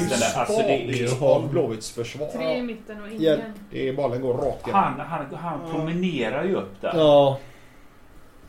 Alltså, Nej, men- ja, nej, det blev lite avbrott där. Daniel, vad, Ja. vad säger du? Nej men eh, man tänker väl att man inte kommer kränga så många streamingpaket kanske i Solna då. Ehm, Eftersom att eh, AIK under nu de kommande omgångarna kommer visas fem gånger på TV. Eh, FCZ kommer visas två gånger. Malmö två gånger. Blåvitt två gånger. Peking två gånger. Djurgården noll. Ja, det där är väl intressant. Christian, vad tycker Ja, du om det var Ja, en förlåt. liten, liten detalj där bara. En, en av omgångarna spelar AIK mot Helsingborg samtidigt som Blåvitt spelar mot Djurgården. Och då väljer man alltså att visa AIK Helsingborg. Det är också spännande tycker jag. Mm. Kan man se det ur perspektivet att eh, för någon som inte håller på Skutborg så är Skutborg bara en mittenklubb i mängden. Som inte är särskilt het och därför så är inte matchen med Blåvitt het bara för att de möter svenska mästarna utan krisklubben Helsingborg mot det innovativa man-man-spelande AIK. Istället är det en het match. Vad- Christian, vad säger du? Det är väl exakt så som pitchen har gått eh, inne på mötet när eh, matcherna fördelades så här. Men eh, det låter ju helt horribelt. Det är klart att regerande mästarna mot Blåvitt är en given match på förhand jämfört med AIK Helsingborg. Det är, jag tycker att de här siffrorna är ju ruggigt märkliga och hade man varit journalist på riktigt så hade man ju velat gräva lite grann i vilken person det är som sitter och beslutar de här matcherna. Eller vilken liten grupp. Det är väl ingen ensam eh, dåre som sitter och beslutar. Men, Jag säger eh, inte det. det. Elsa, vad säger du? Ja men jag tycker det är ganska intressant. Jag förstår liksom inte riktigt hur upplägget har gått till. Sitter man där liksom i ett rum och tänker att äh, vi kör AIK igen. Vi kör AIK igen. Hur många gånger kan man liksom köra det resonemanget innan det blir liksom tråkigt? Inga, innan någon i den lilla gruppen reagerar och säger Ska vi "Vi verkligen köra? Djurgården eller? Alltså det är ju liksom ett återkommande tema och det är inte ett särskilt positivt återkommande tema. Eh, så att jag undrar lite hur upplägget här har gått till och det är klart att så här, eh, varför ska inte AIK-fansen behöva liksom teckna en, en prenumeration som alla andra när de kan se sina matcher på TV? Det är ju absurt liksom. Christian? Alltså det slog mig. Alltså varför Djurgården har noll matcher. Det är ju för att alla deras fans har ju råd att, att ta två abonnemang eller tre abonnemang eller fyra för den delen. Så är att det är kungen och hans kompisar som håller på Djurgården? Exakt. Eller han är aik Eh, nej, prinsen är AIK. Ah. Kungen är väl Djurgården tror jag. Det är ingen som håller på Bayern i kungafamiljen va? Det är, Det är i så fall någon eh, som Det är Det vore nog... det är kusin som blivit utsparkad. Det skulle väl vara. Sofia i sådana fall möjligtvis. Annars. O'Neill kanske? Chris O'Neill håller på vagnen. För, för att han är kompis med Zlatan och det är kändisfest i Monaco liksom. Hans affärskontakter med AEG. Exakt. ja, FCZ, FCZ sa vi ju här förut. det är ju De som inte förstod den referensen var ju att Zlatan Ibrahimovic är ju delägare i Hammarby genom eh, det amerikanska em, ultrakonservativa eh, affärskonsortiet, heter det va? Eh, AEG. Eh, som äger arenor och annat runt om i världen. Eh, nu har Blåvitt en jättechans och de eh, dönar den tyvärr 20 meter utanför. Ja, Det var Pocka. Han, han fick hitta riktigt till träffen i eh, straffområdet. Men på Ja, tal om Daniel, Paka. Ja, på tal om Paka. Alltså där jag hade jag liksom tänkt på innan matchen. Men är det inte... För Sanna vilas ju eftersom att han behöver vila. behöver inte Paka vila? Nej men det, det, alltså jag tror ju resonemanget, alltså vi har varit inne lite surrat på det. Vi får se hur mycket vi vågar säga här nu i sändningen. Men är inte resonemanget här att om man går djupt ner i magkänslan på Poyas Bagi så tror inte han på att vi kommer vinna mot eh, IFK Norrköping. Och därför så spelar inte en rad av våra startspelare i den här matchen. Jag vet inte hur det är med Sana ex, i exakt egentligen hur skadad eller sliten han är. Jag vet inte hur res- äh, resonemanget har gått kring Viktor Wernersson. Jag vet inte varför Aiesh och Georgi sitter på bänken och Bjärsa sitter på bänken. Men eh, det är en grupp spelare som inte är med i den här matchen som skulle kunnat vara ordinarie eller anses vara ordinarie. Christian, vad säger du? Nej, men Sana var ju blek i förra matchen. Ja. Eller, ja han gjorde... Jag har blivit bortskämd med en hög nivå på Sana den här säsongen. Ja. Och där han var ett snäpp ner. Eh, Så jag pratade om det redan efter matchen. eh, Att man borde vila Sana i eh, den här matchen, åtminstone en halvlek. Ehm, Jag vet att Daniel var snabb på att hugga att Sana ska spela varje minut. Ehm, Och det, det tycker väl jag också egentligen. Men samtidigt så får man inte köra slut honom. Nej, alltså resonemanget går, eh, om, som vi hade förut om eh, Norrköping går ju att anpassa Blåvitt också. För att är det så att Norrköping kör slut på sina killar för att samma elva i princip spelar hela tiden nu eh, och en del går sönder eller eh, blir slitna eller liknande och de sjunker till hösten så är det ju möjligt att Blåvitt genom att rotera också har kvar och styrka och hela spelare eh, ju längre in på säsongen vi kommer. Men frågan är då om Blåvitt i det läget ligger på en sjunde eller åttonde plats och inte har häng på toppstriden. Var det fel val jämfört med Norrköping som kanske har ledning? Nu viftar alla här inne för jag tror att det är straffläge. Eh, domaren verkar tyvärr inte hålla med. Det Och nu har var vi fasen inte- ett judogrepp på Ja, honom. nu har vi inte ljudet på men jag gissar på att Dplay inte heller håller med om att det är straff till Blåvitt. Nu är det inte AIK vi möter men eh, som ytterst opartisk eh, deltagare i den här podden så gissar jag bara att det är på det sättet. Eh, och där har vi en eh, halvchans. Eh, ja, vi har ju haft en hel del annat som hänt i världen. Av alla lag att prata om idag så skulle vi vilja prata lite om Brommapojkarna. För de börjar ju nämligen med någonting som eller i alla fall på väg att börja med någonting som eh, heter jämställd sponsring. Ehm, som jag, om jag har förstått saken rätt så eh, går det ut på att de vill fördela sponsorpengarna på ett mer jämlikt sätt mellan herr och damfotbollen i sin förening. Eh, och det här är någonting som eh, du har kollat lite extra på Elsa. Vad, vad, vad tycker du om den här idén? Jo men jag tycker det är en spännande idé. Eh, Det är såklart att det finns väldigt mycket liksom, olika diskussioner att ta. Till exempel, för- nu är Brommapojkarna ett ganska bra exempel eftersom båda lagen är liksom, både på dam och herrsidan så är det någorlunda eh, jämlikt i var man ligger. Men det är klart att det finns olika diskussioner om huruvida ett lag i Allsvenskan ska få mindre liksom, intäkter än ett lag som ligger kanske i Elitettan eller liknande. Men jag tycker det är ett väldigt intressant sätt att ta sig fram i den här frågan. För att väldigt ofta så pratar vi om att just att vi ska nå liksom jämställdhet inom fotbollen. Men väldigt sällan så pratar vi om hur. Eh, så att jag tycker att det här är ett intressant sätt att börja på. Ja, de drar i varandra. Är det så att eh, det här också kan vara första steget till att vi ser, eh, nu kanske inte alla lag tar det här steget, men vi ser en del lag som har eh, herr och damverksamheter i eliten, det vill säga i de två högsta serierna. på sikt kommer att fördela de pengar man får in 50-50. Eh, och det gäller ju motsatsen också då där damlaget är bättre än herrlaget till exempel Rosengård där som varit stundtals i alla fall dominerande i damfotbollen de senaste åren. Eh, har ett, vad var det ni sa, ni som hade bättre koll, ett herr, herrlag som ligger något, någon serie ner. Division 1. Ja, och division 1. Eh, då skulle de tjäna väldigt mycket på att man har den här principen att man fördelar pengarna som man får in till föreningen eller klubben eh, mer jämställt. Så, Christian?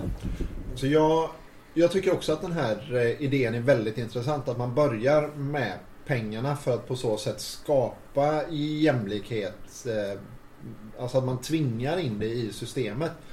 Samtidigt, om man ska vara lite eh, djävulens advokat så vet man att folk kommer det kommer knorras otroligt mycket när fler klubbar börjar göra det här än eh, Brommapojkarna.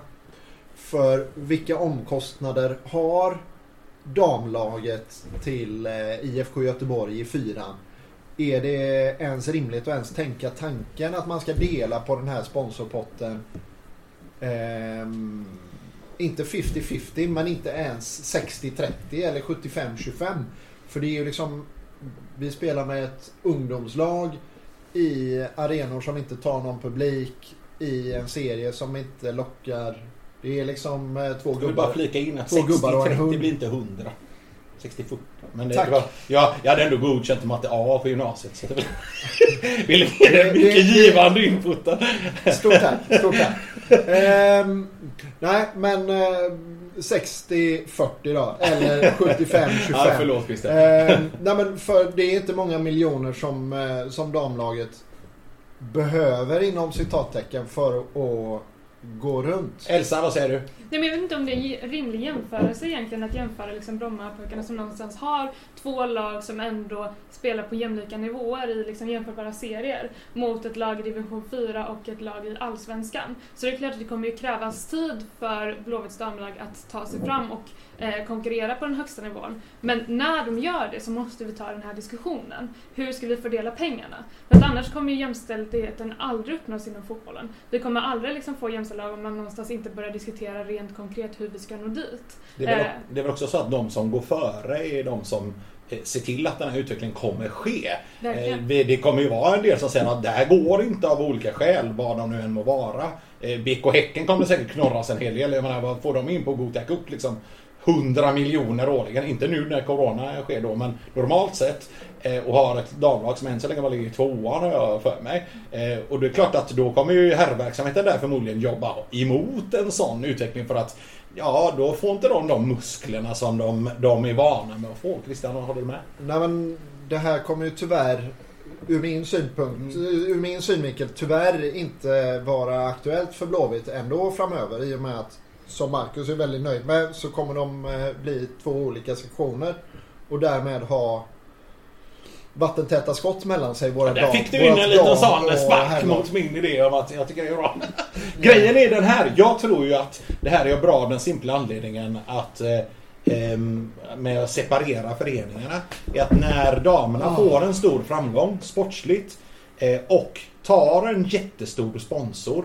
Skulle vi då ha i det läget en 50-50 situation eh, då skulle damerna behöva ge bort hälften av de pengarna som kommer in till herrlaget som inte är i behov av de pengarna. Eh, och ja, det skulle innebära att det blir en längre startsträcka för damerna alltså ekonomiskt sett. Det innebär ju inte att herrlaget inte kan subventionera dem, både ekonomiskt som personellt som man framförallt gör nu. Det har vi, vi kritiserade ju det här med att man inte har tillräckligt med fokus på damlagets premiär för att ja, man har inte personal nog i coronatid att göra det förmodligen.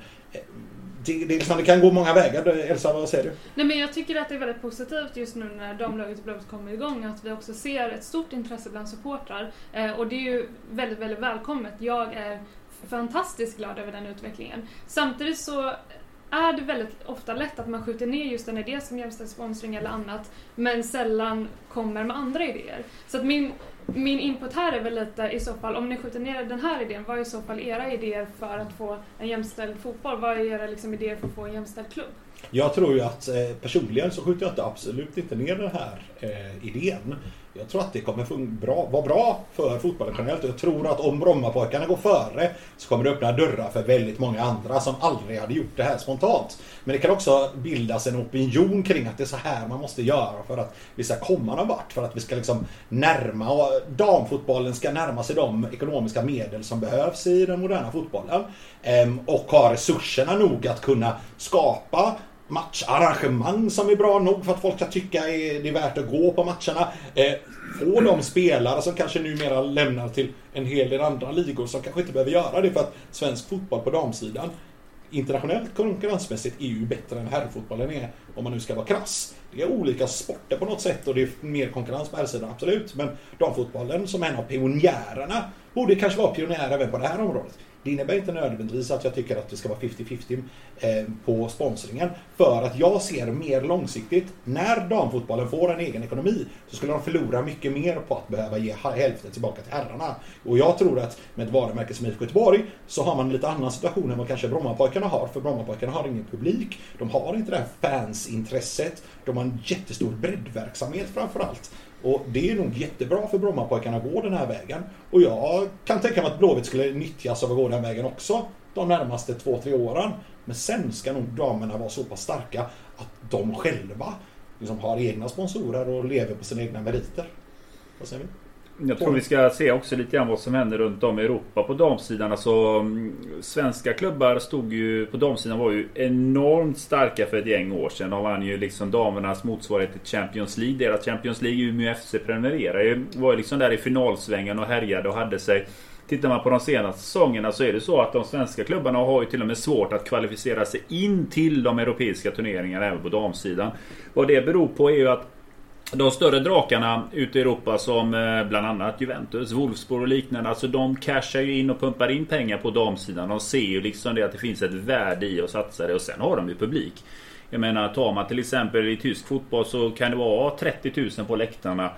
Alltså på den svenska sidan. Vad är publiksnittet idag i damallsvenskan? Den är ju horribelt låg. Det finns liksom ingen historia på det sättet på klubbarna. Jag tror Dock kommer ju damfotbollen i Sverige förändras oerhört mycket om ett par år. Och det beror ju på att vi som har startat nu en damsektion IFK Göteborg och även andra allsvenska klubbar kommer ju göra att det blir en helt annan damallsvenska om ett gäng par år.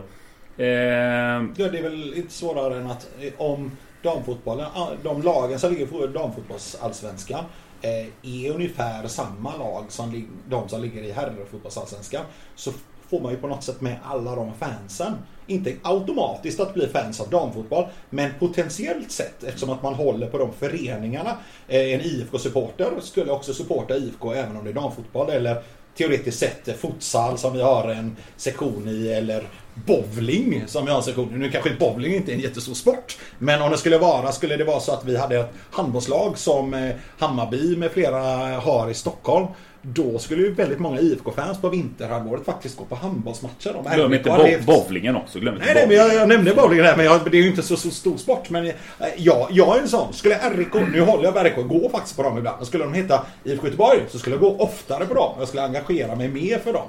Nu är det mer för att jag tycker att handboll är en trevlig sport. Jag går ibland. Nu är liksom. det jädrigt synd i år, tycker jag, om man ska ta och titta det också utifrån ett damperspektiv. Med den här coronasituationen. För är det någon match jag personligen hade sett fram emot så var det ju Blåvitt mot ÖIS här i fyran. För jag tror faktiskt det hade varit en riktigt häftig publikfest. Alltså jag vågar säga att hade den promotat, promotats rejält så hade vi haft 10 000 på läktarna.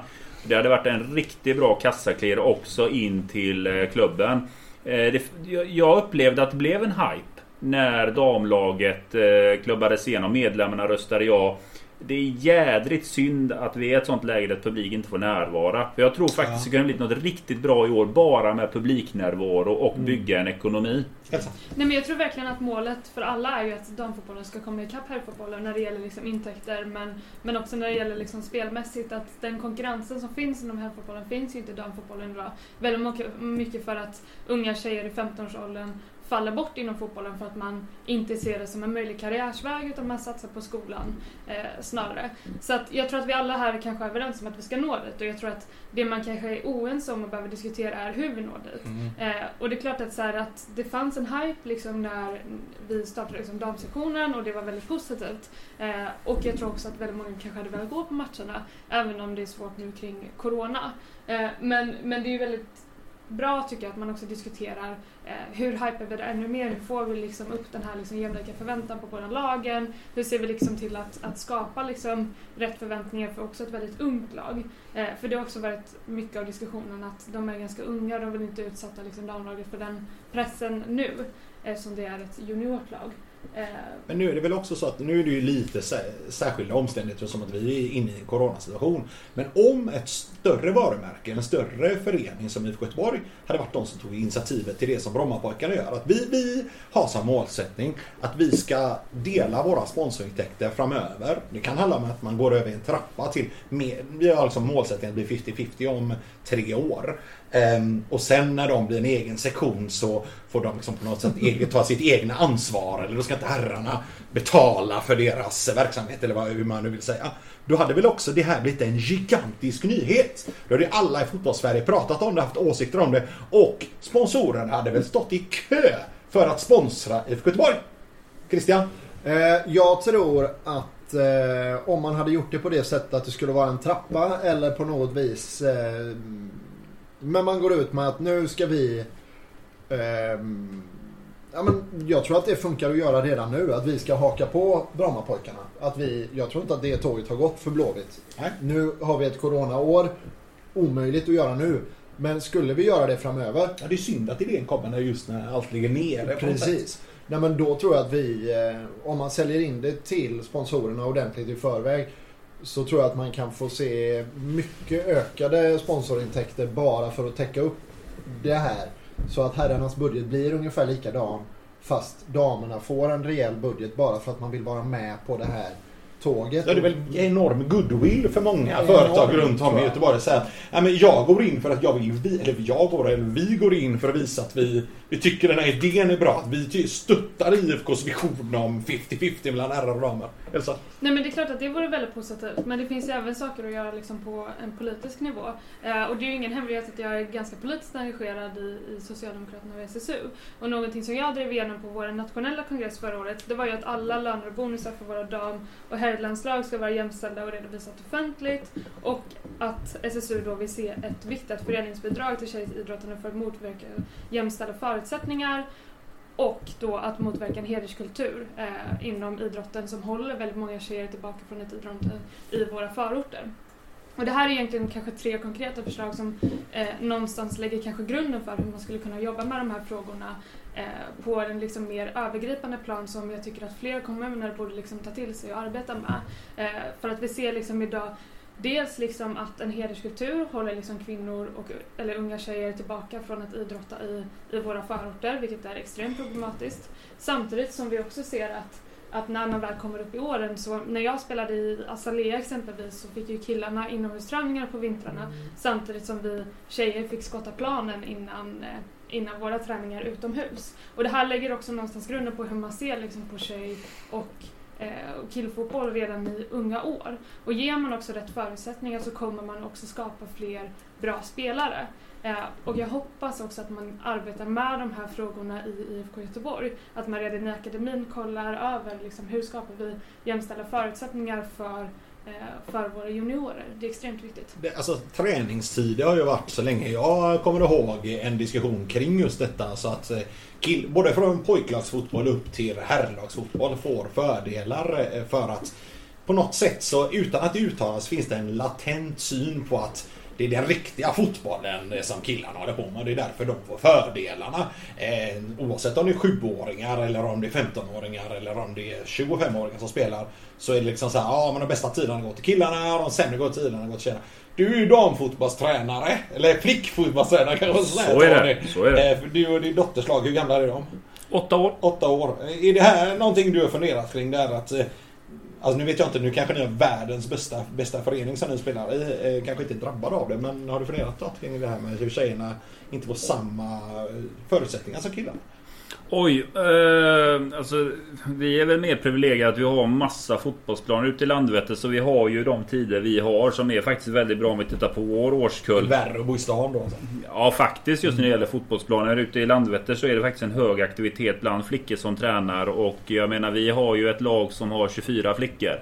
Sen är det klart att det är ju ändå lågt ställt om man jämför med pojkarna i samma åldersgrupp som är 50.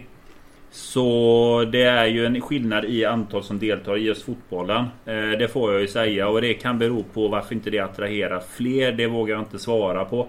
Men jag... Det finns kanske inget enkelt svar på det heller. Nej, det finns inget enkelt svar. För att vi, vi är liksom inne på det här också lite grann. Om man tittar på IFK Göteborg. Och det, jag går in lite grann i den här affärsprocessen där när IFK Göteborg ska träffa sponsorer. Att hur säljer de in föreningen idag kontra två år tillbaka? Eller till och med ett år tillbaka. Hur mycket lyfter man fram hela sin verksamhet för att sälja in det? För precis som vi är inne på egentligen att IFK Göteborg bedriver idag ett CSR-projekt. Man jobbar med... Eh, man har ju sin akademi man har damsidan på ett sätt så ska det ju liksom plinga till här till företag och känna lite grann att IFK Göteborg är mer än bara det här laget som vi just nu har sett förlora 3-1 mot IFK Norrköping.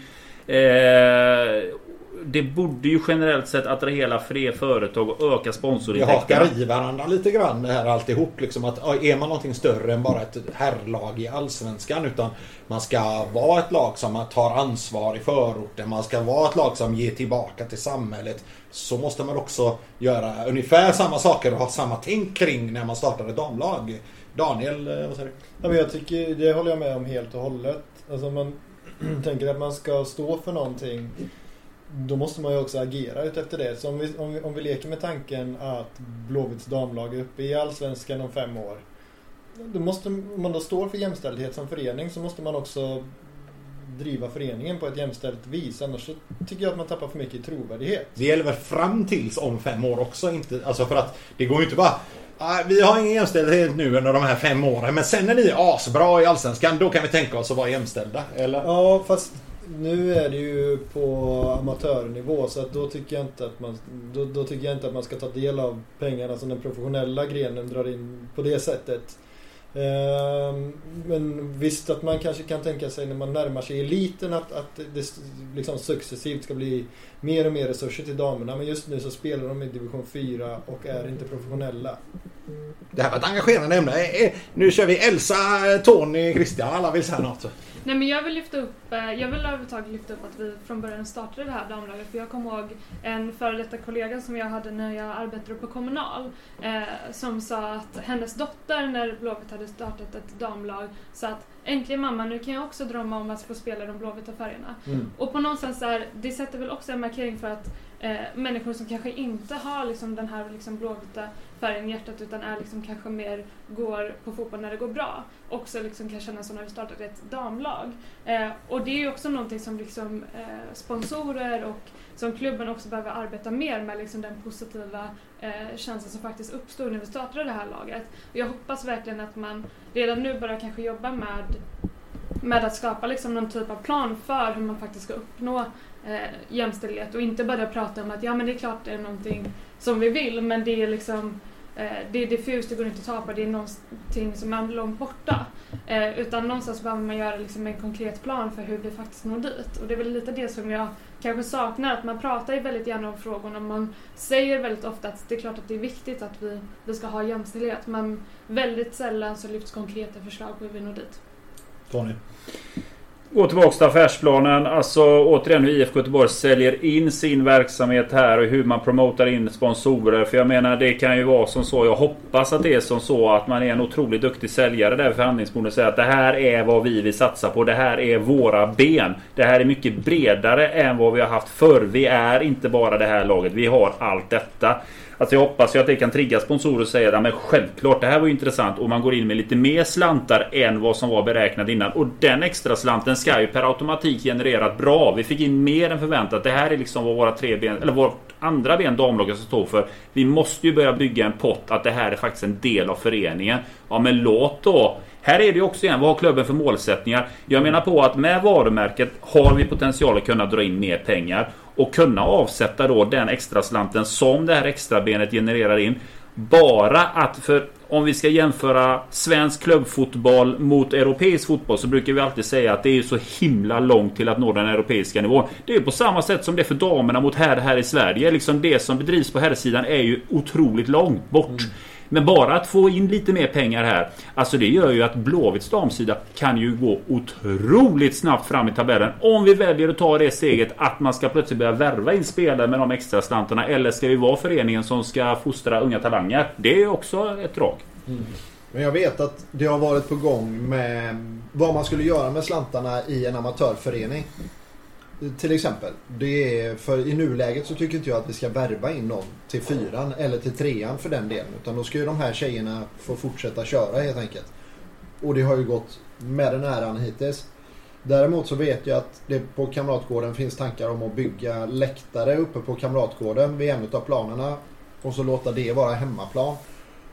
Och då får man ju en synergieffekt för då kan man helt plötsligt använda läktarna till när man vill ha kamratgårdsdagen eller till när något U-lag spelar eller eh, till allt möjligt. Då, då, finns, då finns det ju det här som vi vill åt. Att dam och herrlaget skapar att summan av delarna blir större än, mm. eh, än eh, det är väl smart att börja i rätt ände också. Om man gör det så kan ju damlaget faktiskt ha 300 eller 400 personer som tittar på deras match utan att det känns ödsligt. Plus att det är på mark som redan är vår egen.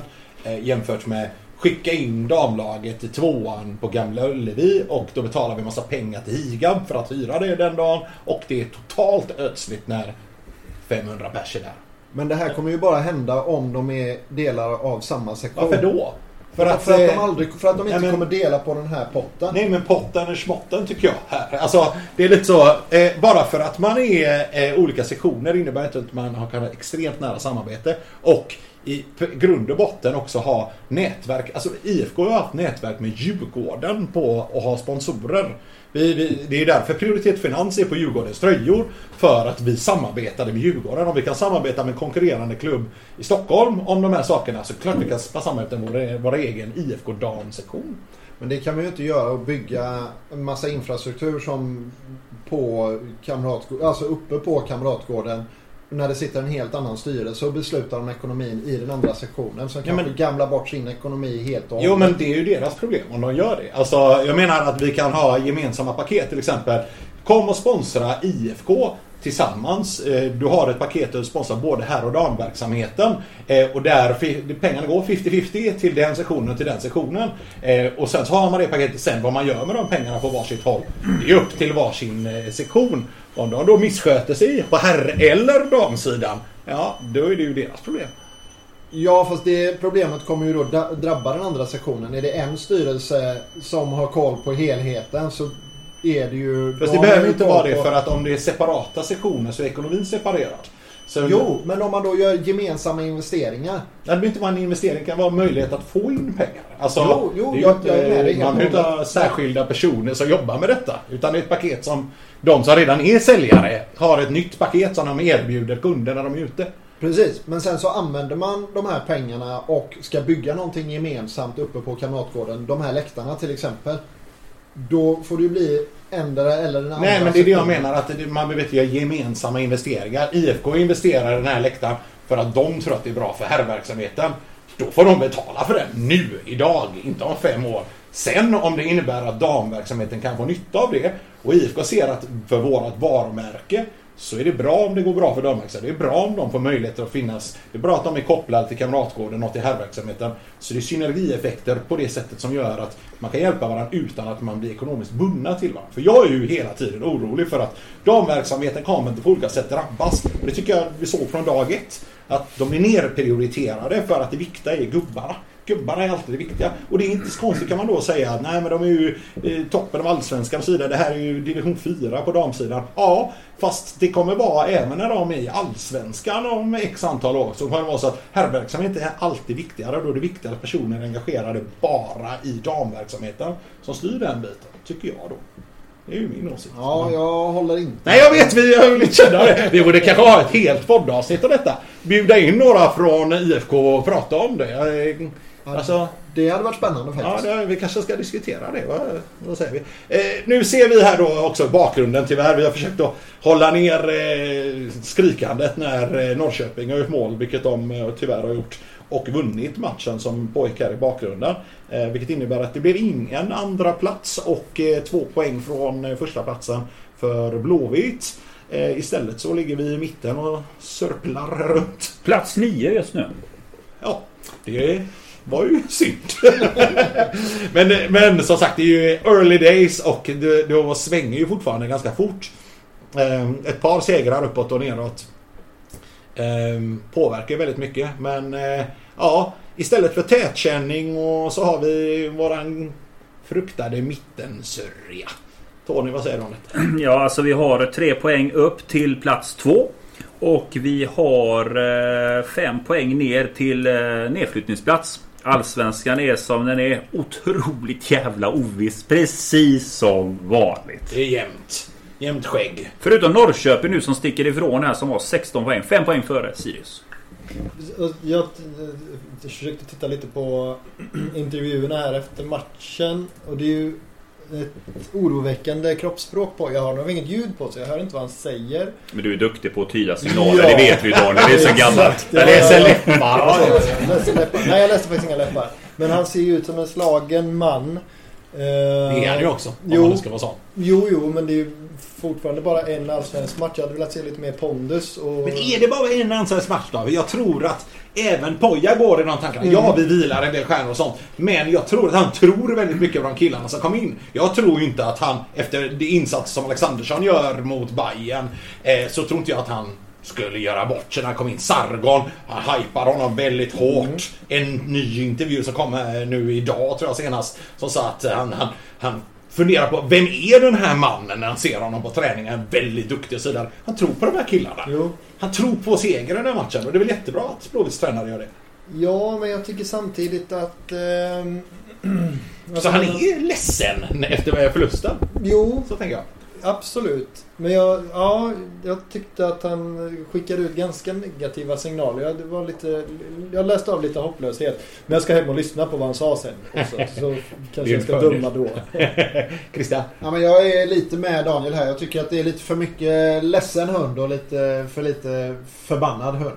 Över Poja faktiskt. Lite för mycket tax och lite för lite pitbull. Ja, Är det så? kan man säga. Okej. Och jag vill tillägga, så nu har jag ju inte sett hela matchen här men när man har vänt sig om och blickat lite grann, men Satan vad fin han Haksabanovic är ändå. Vilken känsla liksom. Han ligger ju egentligen bakom alla tre målen för Norrköping. Eh, men vi bjuder ändå upp till det och sen tycker jag lite är till dans. Efter att vi gör 1-1 så tittar vi och skapar lägen. Och sen är det 2-1 och snabbt 3-1. Vi försöker ju liksom pressa på där in i sista. Det blir öppna ytor där bak. Så trean kommer ju. Men det är på en chansning på att vi måste vara lite mer offensiva. Norrköping är ju oförtjänt. Eh, eller välförtjänt menar jag. Eh, serieledare. Det, det är fin fotboll det här alltså. Det får man ge dem. Och det här är, alltså om man ska vända på det. Marcus, du har ofta tagit upp det här. Att vara en säljande klubb. Det är ju precis det Norrköping är. De säljer ju något enormt mycket när det kommer till spelare. Men alltså de har någonting. De har byggt upp någonting och de är där uppe i toppen. Och de kan till och med säga nej till bud. Det är det som är det fina. De, det är alltså Simon Tern som förra året. De kan liksom nobba och säga nej du går ingenstans. Vi ska ha den här summan om vi ens vill släppa dig. Det är Eh, där man vill vara. det är där man vill svensk vara. Klubb. Det är där man vill vara. Och de har... en De, de, farmaklubb åt Belgien. Lite sådär och de har liksom en ekonomisk grund som man har byggt upp på detta. Norrköping har gjort många rätt. Ska man credda... Man ska ibland credda vad andra klubbar gör bra. Jag tycker Norrköping har gjort många saker rätt genom åren eh, med Hunten i spetsen. Elsa, vad tänkte du?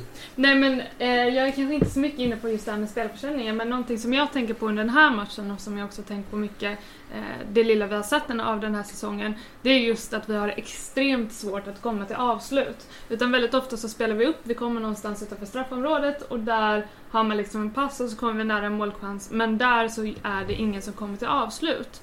Eh, och det är ungefär lite samma, samma sak varje match. Och det är väl det lite jag liksom saknar, och det kanske är nu för att Robin Söder är borta, men, men vi har liksom inte riktigt någon, någon skyttekung på det sättet. Jag saknar liksom någon som verkligen, eh, verkligen gör mål i Blåvitt. Linus Hallenius. Ja, det kanske är...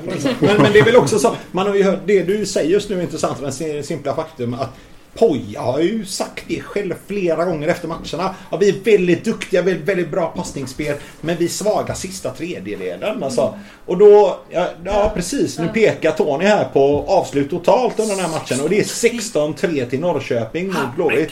Eh, avslut i målzonen då är förvisso lite jämnare. Det är 9-6 till Norrköping. Men när man har 16-3 avslut. Det är klart, avslutar du tre gånger eh, under en match. Fast hur går Det det, ihop? inte. Avslut. Ja, hur gör går du det inte ihop? mål. Avslut, nej det går inte ihop. Avslut totalt går inte ihop med att det, avslut totalt i målzonen är 9-6. Nej, där har de tabbat sig. Nu står Axén och babblar om detta. Vilken dominans det var för Norrköping. Men det var ju en viss tabbe. Men, ja, men eh, vi har ju haft en del eh, stolta spelare och sånt som sagt att ja, men vi hade i alla fall 720 passningar i matchen.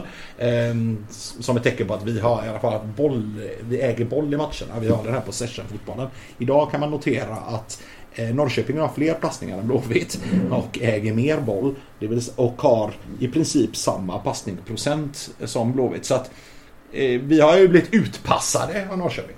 Men eh, jag tror att alltså Norrköping eh, slår ju många fler avgörande passningar tror jag man skulle kunna se om man tittar på statistiken. Blåvitt slår rätt få avgörande passningar och det känns som att Blåvitt är skapliga liksom mellan straffområdena. Det är farligt att hamna där. För att Blåvitt är inte jättebra i eget straffområde heller och de är faktiskt just nu riktigt dåliga i offensivt straffområde. Och utan Bjärsmyr på plan så har de tyvärr ingen som slår särskilt bra långa bollar. Vi ska inte glömma Torlinsson heller som faktiskt också visat på det. Alltså djupledsbollar så att det blir en snabb rörelse från backlinje till, eh, till anfall. Vilket ofta är sånt som skapar chanser mot bra lag. Mot kanske bättre lag. Man ska slå ett bättre lag. Tony, vad säger du? såg vi precis när Blåvitt gjorde målet högt upp. Emil Holm vid flera situationer tar sig upp som högerback där. Och Norrköpings två sista mål är ju på hans kant. Men Emil Holm har ju varit otroligt offensiv. Vet, det är ju tanken med hans Han har en styrka att driva framåt. Nu blev det ju lite grann i baken där att den offensiva gjorde att det blev ytor där bak. På den kanten. Är det så att Emil Holm egentligen kanske skulle komma bäst till skott som höger yttermittfältare samtidigt som Aiesh ska vara forward i det här laget? Nej. Nej, varför?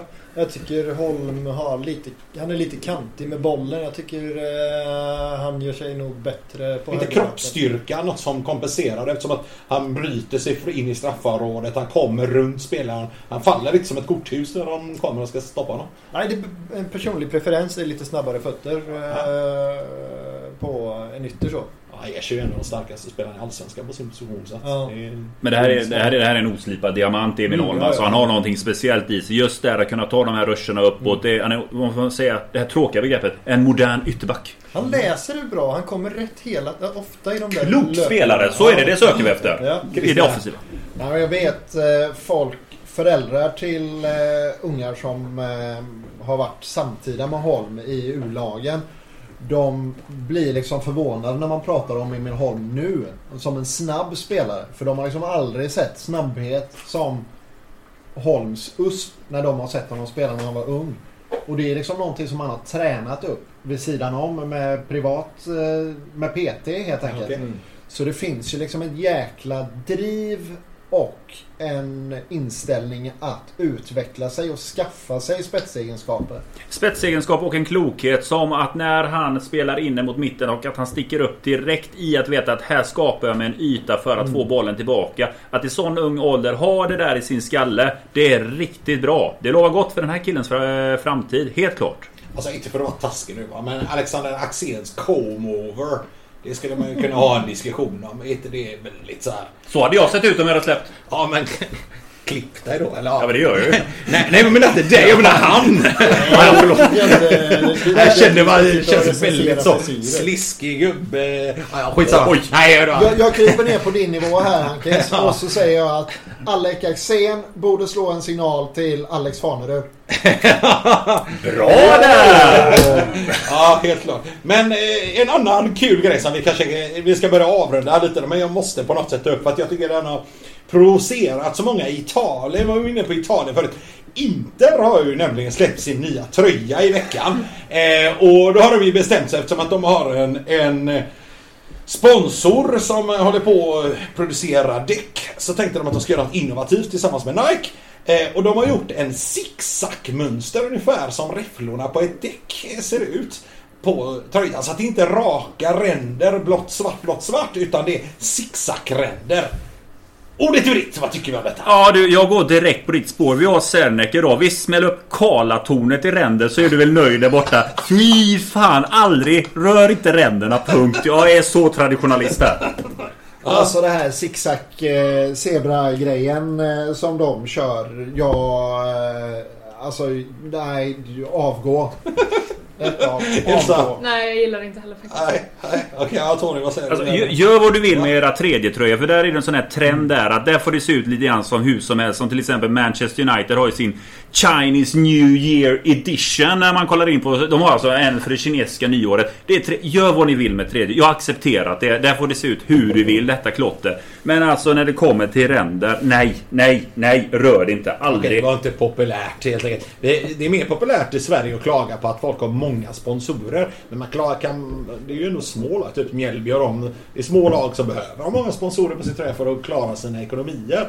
Eh, lite innovation på ränderna. Det gillar vi inte alls här. Men då, då vet vi det. Då vet vi det. Eh, Det där gillar jag inte heller. Det, sista här. Det är inte mycket jag gillar. Nej men det finns ju en annan grej att återkoppla på det. Innan säsongen i år så hade ju Blåvitt en försäsongströja. Alltså en särskild tröja som vi skulle ha på våra träningsmatcher.